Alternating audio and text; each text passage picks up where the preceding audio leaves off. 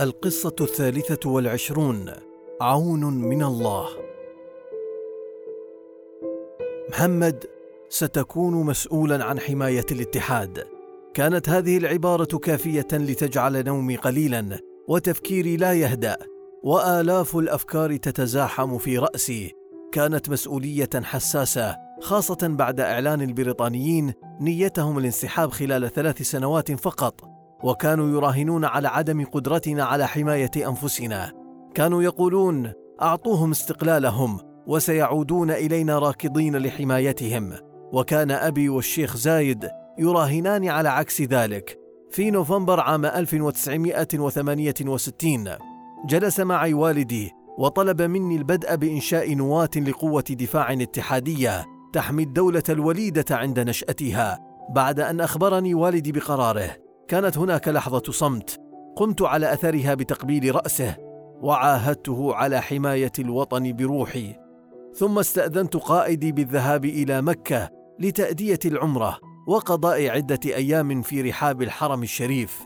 كنت بحاجة لطلب العون كنت بحاجة للتوفيق كنت بحاجة للإرشاد كنت وما زلت بحاجة لعون الله وتوفيقه وهدايته لي في كل أموري. خلال سنوات عمل الخمسين رأيت الكثير من المعجزات التي حصلت بتوفيق الله في بلدي. خلال خمسين عاما رأيت الحماية والرعاية لهذا البلد من رب العباد. رأيت حولنا حروبا واضطرابات وبلادا عمرها آلاف السنوات تنهار. ورأيت بلدي بعون الله وتوفيقه ورعايته يزدهر وينمو ويحقق معجزة تنموية.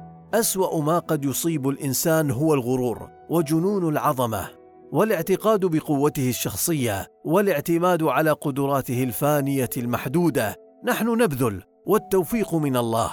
نحن نتحرك والهداية والرعاية منه سبحانه. نحن نخلص نياتنا في خدمة الناس ورب الناس يوفقنا على قدر نوايانا. الهداية من الله والرعاية من الله والحماية من الله.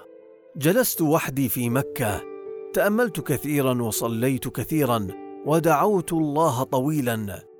هدأت زوبعة أفكاري في مكة وغمرني الكثير من الصفاء والسكون وبدأت أفكر بشكل معمق ومطول للإجابة عن العديد من الأسئلة الكبرى أمامي. ما الذي يتطلبه إنشاء قوة دفاع رادعة بشكل سريع؟ ما هي مصادر التهديدات الرئيسية أمام الدولة الوليدة؟ كيف يمكنني أن أكتشف القوة التي تسعى إلى زعزعة الاستقرار قبل أن تسدد ضربتها القاضية؟ كيف يمكن بناء قوة عسكرية دون التأثير في الموارد المالية المحدودة التي تحتاجها الدولة الوليدة من أجل التنمية؟ من أين أبدأ؟ وكيف أبدأ؟ وبمن أستعين؟ وأين سأكون خلال ثلاث سنوات؟ كنت بحاجة إلى أن آخذ في الاعتبار جميع السيناريوهات المحتملة. وهناك تحت النجوم في مكة المكرمة تجلت لي الكثير من الإجابات وبدأت المعالم الرئيسية لخطتي خلال الفترة المقبلة تتضح. وبدأت أرى المستقبل يوما بيوم وعاما بعام. هناك تحت نجوم مكة تشكلت رؤية واضحة للأعوام الثلاثة القادمة من حياتي. هناك تحت نجوم مكة بدأت رؤيتي. سجدت باسمك إلهي عالي الشأن. يا الواحد الفرد نظرة منك تغنيني. وسجد لعزة جلالك جسمي الفاني. وخلعت عز الملوك ورجفة يديني طال اشتياقي وصوت الحق ناداني.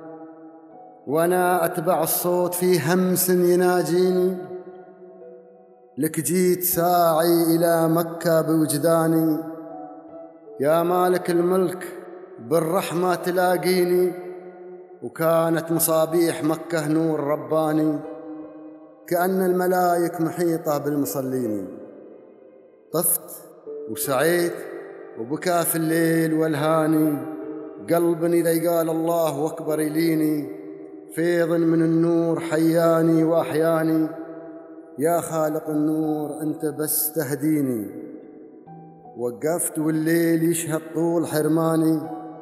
انظر لحالي إلهي لا تخليني. في مهبط الوحي والتنزيل فاجاني. شعور ما ينوصف ما زال يشجيني. كأن أمامي محمد خير عدناني وحول الصحابة جنوده والمطيعين.